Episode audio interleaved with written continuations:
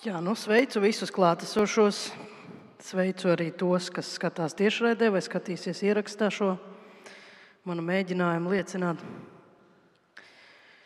E, par šo tēmu, Dievs un dziedināšana. Laikam man stāsts būtu jāsāk ar to, ka līdz 2021. gadam es visu savu dzīvi vadīju pilnīgi nekristīgā sabiedrībā Un eh, sanāca tā, ka eh, redzi, es zaudēju triju mēnešu vecumā, jau piedzimu pilnīgi vesels bērns. Bet, nu, sanāca tā, kā sanāca.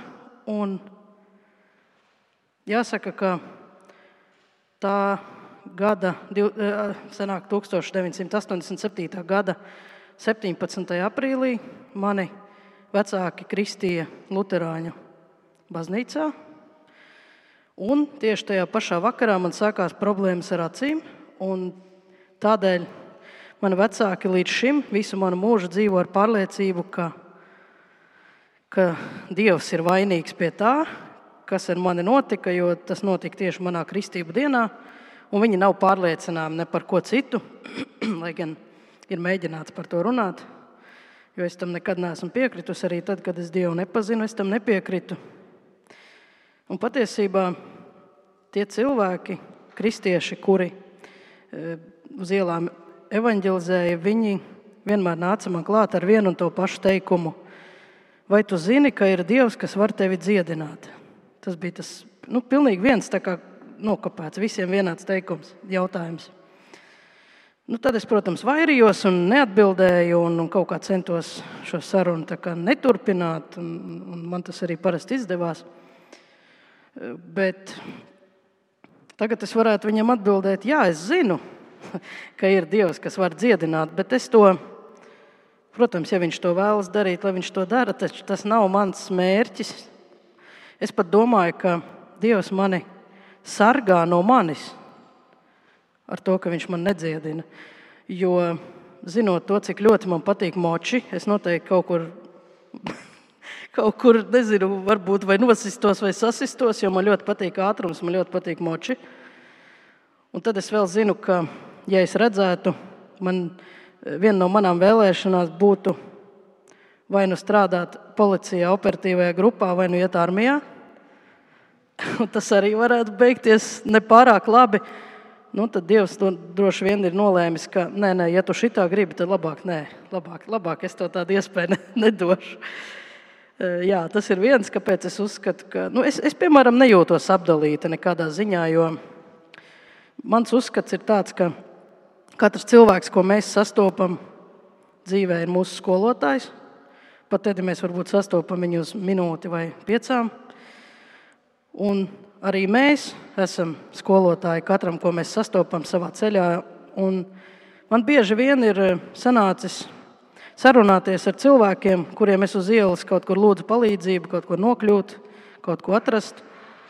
Un tad viņi man uzdod jautājumus par to, kā es ikdienā tieku galā ar dažādām sadzīviskām lietām. Un tad, kad es viņam atbildu, tad viņi kļūst domīgi un saka, es pat nebiju iedomājies, ka tā var. Nu, es, es negribu būt nekādā ziņā nekāds paraugs citiem, jo es, es noteikti neesmu ne sliktāks, ne labāks paraugs kā jebkurš cits.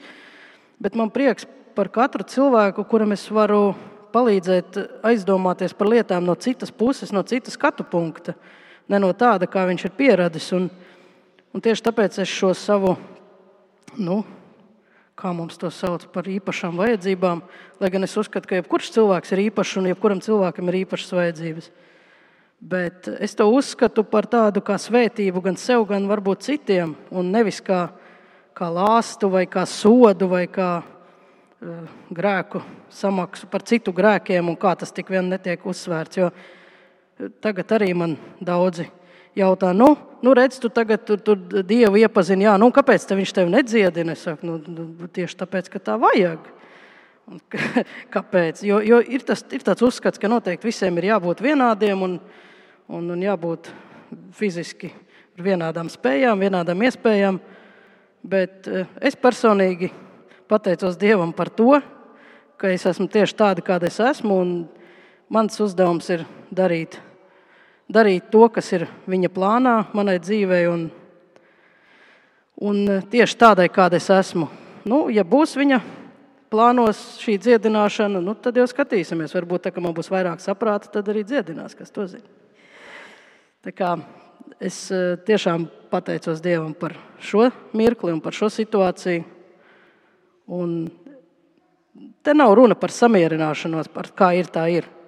Bet tiešām par to, ka šī situācija un šīs stāvoklis ir tieši tāds, kādam tam jābūt. Un Es iesaku novēlu visiem uz savu situāciju paskatīties tieši šādi un ne savādāk, jo tā ir jūsu situācija, tas ir Dieva plāns tieši jums, un tā arī to uztveriet.